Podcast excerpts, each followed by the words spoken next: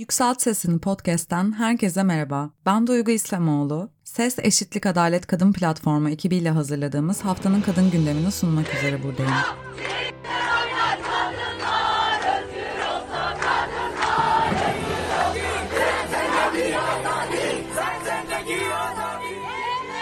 Bu hafta üzerinde en çok konuştuğumuz, bizim gündemimizde en çok yer tutan konu kadınların haklarını, canlarını koruyan bir kadın örgütünün kapatılması girişimi oldu. Kadın Cinayetlerini Durduracağız platformu Türkiye'deki en güçlü kadın örgütlerinden biri. Kapatılmasına yönelik açılmış olan davasının 13 Eylül'de görülen duruşmasında biz de platformun yanındaydık. Birçok kadın ve LGBTİ artı topluluğu da oradaydı. Kadın Cinayetlerini Durduracağız platformunun hikayesini bugün elimizden geldiğince anlatmaya çalışacağız ama önce Türkiye'de kadın hareketinin aslında bugün ne durumda olduğuna dair bir fikir vermesi açısından yakın geçmişe dönüp biraz feminist örgütlenmenin tarihinden söz edeceğiz.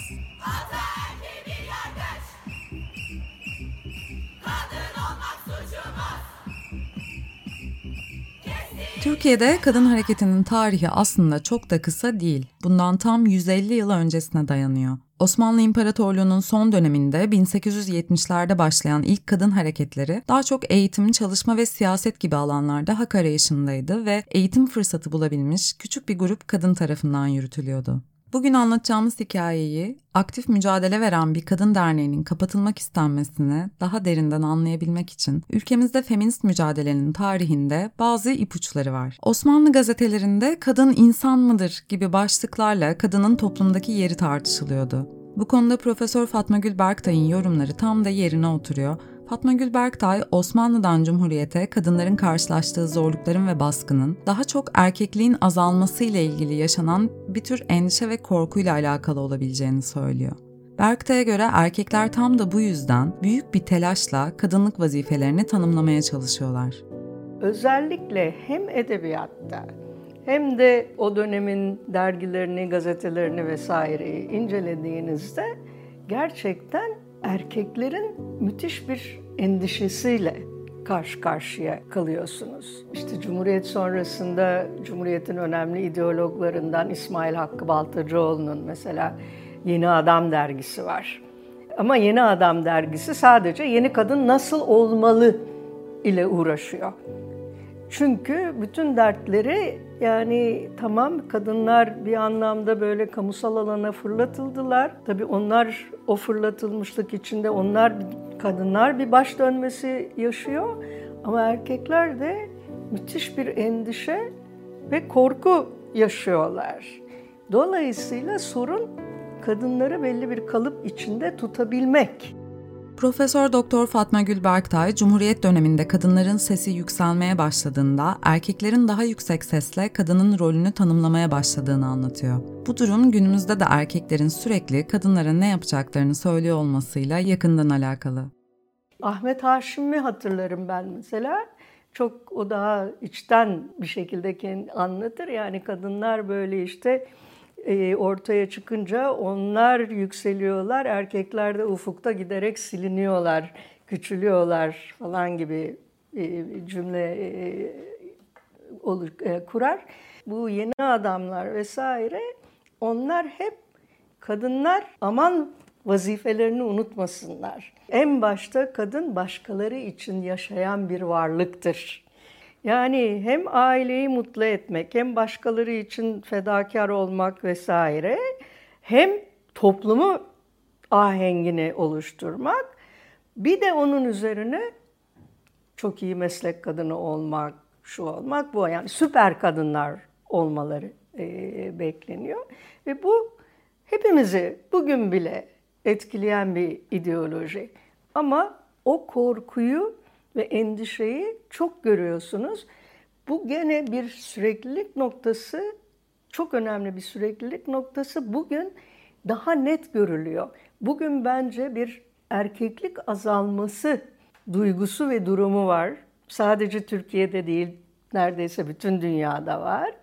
Ve bunun karşılığında o korku ve endişeyle yeni bir erkeklik restorasyonu talebi ortaya çıkıyor. 1923 yılında Cumhuriyet'in ilanı ile birlikte kadın hareketinde önemli gelişmeler yaşandı. Kadınlara seçme ve seçilme hakkı tanındı, eğitim ve çalışma hakları genişletildi. 1980'lere gelindiğinde ise Türkiye'de kadın hareketi yeni bir döneme girmiş oldu.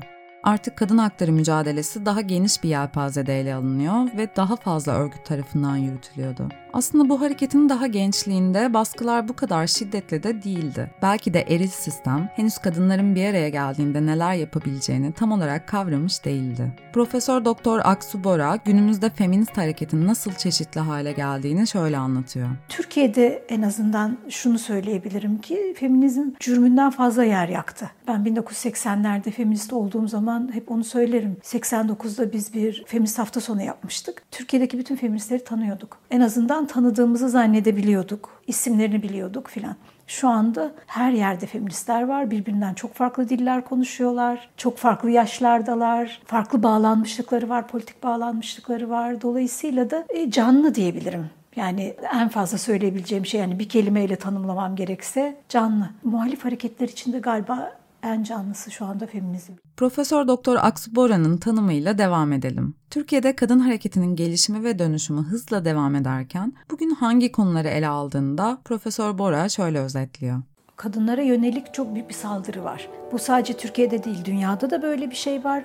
Dünyanın iklimleri mi diyeyim, mevsimleri mi diyeyim böyle şeyleri var. Çok doğal şeyler değil bunlar elbette. Başka bir takım değişkenlere bağlı ama Feminizm de bunlardan payını alıyor elbette ki. Yani 70'lere 80'lere baktığımızda hala 80'lerde de başka bir dünyanın mümkün olduğuna dair, özgürleşmeye dair bir perspektif güçlü bir şekilde vardı. 90'lardan sonra hele 2000'lerde bu perspektifin zayıfladığını, daha böyle yani görünmeyle, haykırmayla, çağırmayla ama nereye çağırdığını da tam bilememeyle ilgili bir, bir dil onun yerine geçti. Yani hak söyleminin gerilemesi de bununla ilgili bence. İçeriklerin değişmesi de bununla ilgili bir şey. Mesela kadın meselesinden bahsederken artık şiddetten ve bedenden bahsediyoruz ama mesela kadın işçilerin yaşadıkları özgür problemler, kadın işçilerin eşit işe eşit ücret gibi ta 19. yüzyıldan beri feminist hareketin çok temel isteklerinden bir tanesi olan bir şey şu anda gündemimizde yok gibi. Oysa ki Türkiye'de çok ciddi böyle bir problem var kadın işçiler açısından. Sadece işçiler açısından değil, bütün çalışanlar açısından böyle bir şey var. Bunu şey diye değerlendirmek istemem. Hani böyle modalar var ve biz de o modalara kapılıyoruz, gidiyoruz falan değil ama dikkatimizi dağıtan, e, gündemimizi denetlememizi zorlaştıran diyeyim çok kibar bir ifadeyle pek çok etki var. Her gün kadınla cinayetler işlenirken sizin başka bir şeyden bahsetme ihtimaliniz, şansınız çok fazla olamıyor. Biraz o yüzden feminist hareketi dünyanın dönüşmesiyle, Türkiye'de olup biten şeylerle, hükümetin politikalarıyla birçok şeyle birlikte düşünmek zorundayız. 80'lerden bugüne Türkiye'de kadın hareketinin temel konuları daha çok kadınların eşit temsili, şiddete karşı korunma, ekonomik ve sosyal hakların geliştirilmesi gibi konular oldu. Ancak bugün Profesör Doktor Aksu Boran'ın da dediği gibi şiddete karşı kendimizi savunmaktan başka haklarımızı savunmaya pek fazla fırsat bulamıyoruz gibi. Bugün Türkiye'de kadın hareketi dediğimizde gerçekten de en örgütlü muhalif hareketin feminist hareket olarak öne çıktığını görüyoruz. Mor Çatı Kadın Sığınağı Vakfı'nın desteğiyle kadın sığınma evlerinin devlet eliyle de uygulanmaya başlaması günümüzde kadın hareketinin etkinliğine dair en güzel örneklerden biri. 2017'de kaybettiğimiz kadın hakları aktivisti ve yazar Şirin Tekeli, 20 yılını geride bırakmış olan yeni kadın hareketinin önceliğinin kadınların kimliği ve bedeni üzerine olduğunu belirtmişti. Biyanet'te yayınlanan bir konuşmasında batılı ülkelerde 1950'li ve sonraki yıllarda kadın erkek eşitliğini sağlayan yasa değişiklikleri yapılırken Türkiye'de 1926'dan beri aynı medeni kanunun kullanıldığını hatırlatmıştı. Ama bu kanun kadınların kimliğini yok sayarak onları reis olarak bilinen kocaya tabi kılıyordu. Tekeli'ye göre 1985'ten 90'lı yılların sonuna kadar medeni kanun reformu kadın hareketinin en öncelikli konularından biriydi ve nihayet 2001 yılında medeni kanun kabul edildi. Tekeli bunu kadın hareketinin en büyük başarılarından biri olarak tanımlıyor. Şirin Tekeli ayrıca kadın bedeninin baskı ve şiddete maruz kalması üzerine kadın hareketinin kampanyalarını ve mücadelesini de aktarmıştı. Özellikle aile içi şiddet, tecavüz, cinsel taciz ve namus cinayetleri üzerine yoğunlaşan bu kampanyalarda bazı önemli başarılara imza atmıştı. Örneğin aile içi şiddet konusundaki kampanyalar sonucunda kadın sığınakları oluşturulmuş, devlet ise aileyi koruma yasasını kabul etmişti. Bu başarılar kadın hareketinin mücadelesinin bitmediğinin de bir göstergesi. Şirin Tekeli, kadın hareketinin Türkiye'de çok etkin ve canlı olduğunu vurguluyordu. Ayrıca bu hareketin demokratik ve çoğulcu bir yapıya sahip olduğunu ve kadınların hakları için mücadele eden birçok dernek, vakıf ve diğer örgütleri de bünyesinde barındırdığını hatırlatıyordu. Şimdi gelelim bu haftaki asıl gündemimize Kadın Cinayetlerini Durduracağız platformunun başından geçenlere. Türkiye'de kadın hareketinin en önemli temsilcilerinden biri olan Kadın Cinayetlerini Durduracağız platformu 2010 yılında kuruldu. Geçtiğimiz bölümlerde de bahsettiğimiz, yıllar geçse de gündemimizde olan korkunç bir olayın Münevver Karabulut cinayetinin ardından çeşitli kadın ve LGBT artı derneklerinden, örgütlerden aktivistler bir araya gelip kadın cinayetlerini durduracağız platformunu kurdular. Platform 2012 yılında dernekleşti ve öldürülen kadınların yakınlarıyla şiddete uğrayan kadınlar da derneğin kurucuları arasında yer aldı. Kadın cinayetlerini durduracağız platformu 2010 yılından beri kadın cinayetlerini ve şiddet vakalarını raporluyor. Bu raporlar medyadaki Buradaki verilerden ve öldürülen, şiddete uğrayan kadınların yakınları tarafından doğrudan iletilen verilerle hazırlanıyor. Çünkü devletimizin ne yazık ki böyle bir sayacı yok. Hatta platform kaza ve intihar süsü verilen cinayetlerin artması üzerine 2018 yılından itibaren şüpheli kadın ölümü verilerini de ayrıca raporlamaya başlamıştı. O gün bugündür Kadın Cinayetlerini Durduracağız platformu öldürülen kadınların ailelerine adalet arayışı yolculuklarında da eşlik ediyor Türkiye'nin her yanını dolaşarak bu desteği sürdürüyor ve şiddete uğrayan kadınlar için de destek mekanizmaları örgütlüyor. Fakat gelin görün ki kadın hareketinin bu denli aktif örgütlerinden biri tek bir kişinin şikayetiyle tam 7 yıldır kapatılma tehdidiyle karşı karşıyaydı. Kadın cinayetlerini durduracağız platformu aktif bir örgüt derken sesinin meclise kadar ulaşabilmesinden söz ediyoruz. Özgecan Aslan'ın trajik ölümü Türkiye'nin dört bir yanında milyonlarca insanı derinden etkileyen kadın cinayetlerinden biri olmuştu. Bu olayın ardından kadın cinayetlerini durduracağız platformu gibi kadın hakları örgütlerinin sesini yükseltmesi toplumun bu tür olaylara karşı daha bilinçli hale gelmesini sağladı. Ancak asıl dönüm noktası platformun 2012 yılında kabul edilen 6284 sayılı kanun kanunun hazırlık sürecinde bakanlık ve kadın örgütleriyle birlikte aktif yer alması oldu. 2013 yılında kadın cinayetleri davalarındaki ayrımcı indirimlerin düzenlenmesiyle ilgili öneri Türkiye Büyük Millet Meclisi'ne sunuldu. Bu öneri Özgecan Aslan'ın öldürülmesinin ardından Özgecan Yasası olarak anılmıştı. Kadın cinayetlerini durduracağız platformu bu yasa tasarısının hazırlanmasında ve meclise sunulmasında aktif bir rol oynadı. Platformun etkisiyle cinsel saldırı suçlarına verilen cezaların artırılmasını alınmasını ve kadınları koruma altına alan birçok tedbirin alınmasını sağlayan bu yasa, kadınların hayatını korumak adına atılmış en önemli adımlardan biriydi. Kadın Cinayetlerini Durduracağız platformunun aktivizmi Türkiye'de kadınların kaderini daha aydınlık ve daha güvenli bir yere doğru değiştiren bir güç haline geldi. Örgütün meclisten sokaklara kadar duyulan sesi kadınların kaderini yeniden yazmaları için bir ilham kaynağı oldu. 2016 yılında bir vatandaşın nafaka mağduru olduğunu ileri sürerek BİMER'e yaptığı şikayet sonucunda Kadın Cinayetlerini Durduracağız platformu derneği hakkında soruşturma başlatılmıştı. Aralık 2021'de savcı Mustafa Güner tarafından hazırlanan davanamede derneğin ahlaka ve kanuna uygun olmayan eylemlerde bulunduğu gerekçesiyle kapatılması istendi. Ayrıca derneğin belirledikleri amacın dışında hareket ettikleri, kadın haklarını koruma adı altında aileyi ve toplumu parçalama amacı taşıdığı iddialarına da yer verildi. Platformun yöneticilerinin katıldığı basın açıklamaları nedeniyle başka davalara da dahil edildiği belirtildi. Bu hafta 13 Eylül günü davanın duruşması için hepimiz Çağlayan Adliyesi'ndeydik. Duruşma öncesinde yapılan basın açıklamasında platform kurucularından ve İstanbul temsilcisi Fidan Ataselim şunları söyledi.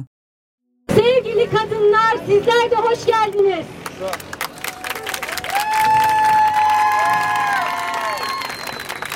Sevgili arkadaşlar, Kadın cinayetlerini durduracağız platformu derneğimize yönelik hukuksuzca açılmış bir kapatma davasıyla karşı karşıyayız. Bugün buradan bir karar çıkacak. Cumhurbaşkanı diyor ki Türkiye yüzyılı adaletin yüzyılı olacak diye söylüyor. Bugün çıkacak olan kararla göreceğiz. Hukukun üstünlüğü mü gerçekleşecek? Bir nebze de olsa adalete olan inancımızı yitirmememizle ilgili bir düzeyde bir karar mı çıkacak? Yoksa adaletin yüz karası bir günle mi karşı karşıya olacağız? Hep birlikte göreceğiz. Adliyedeki kalabalığın seslerini duyabiliyorsunuz. Gerçekten de çok çeşitli örgütlerden, siyasi partilerden temsilciler ve destekçiler oradaydı. Fidan Ataselim konuşmasında Cumhurbaşkanı'na şöyle seslendi. Böyle adalet olmaz olsun. Adaleti, gerçek adaleti, eşitsizliğe uğrayan kadınlar için, her gün nefretle hedef gösterilen LGBTQ artılar için, yok sayılan halklar için, işsiz bırakılan gençler için, özgürlükleri elinden alınan üniversiteliler için ve elbette ki her gün yoksullukla baş başa bırakılmış olan emekçiler için gerçek adaleti biz sağlayacağız sevgili dostlar. Omuz omuza, kol kola. Onların adaleti kendilerine kalsın. Ama Tayyip Erdoğan'a kendi söylediği şu sözü hatırlatmak istiyorum. Ayarını bozduğun kantar, gül gelir seni de tartar Tayyip Erdoğan. Bunu unutma.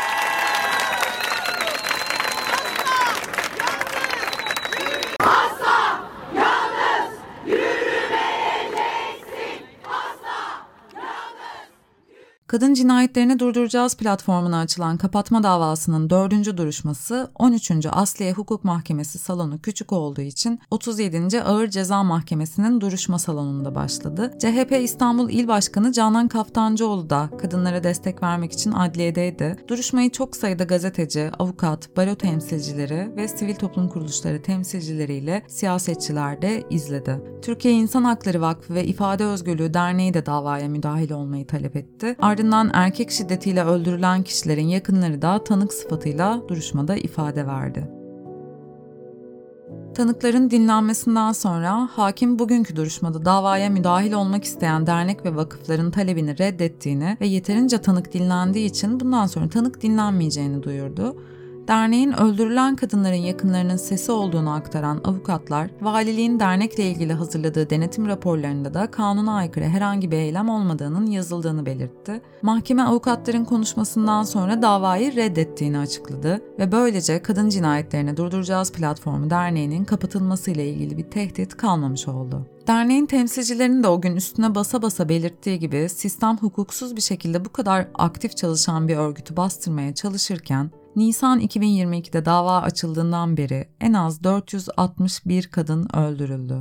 Kadın cinayetlerini durduracağız platformu yaşanan tüm adaletsizlikleri, kadınlara yapılan haksızlıkları raporlamaya ve bunlarla mücadele etmeye tam gaz devam edecek. Türkiye'de hiç de sessiz bir geçmişi olmayan, gayet de aktif ve güçlü bir şekilde mücadelesine devam eden kadın hareketi de kadınları koruyacak yasalar gerçekten de uygulanana kadar, adalet yerini bulana kadar omuz omuza mücadele edecek. Bu haftaki Yükselt Sesini podcast'in sonuna geldik. Türkiye'de feminist hareketin tarihinden bahsettik. Kadın cinayetlerini durduracağız platformunun kapatılması davasından haberler verdik. Umuyorum ki sizler için de ufuk açıcı, düşündürücü bir program olmuştur. Haftaya yine Cuma günü kadın gündeminden haberlere, önemli başlıklara birlikte göz atacağız. O zamana dek eşitlikadaletkadın.org platformumuzda kadın gündemini takip etmeyi ihmal etmeyin. Ayrıca sosyal medya hesaplarımız üzerinden bize görüşlerinizi, önerilerinizi iletebileceğinizi de unutmayın. Daha güzel haberlerle yeniden buluşmak dileğiyle. Hoşçakalın.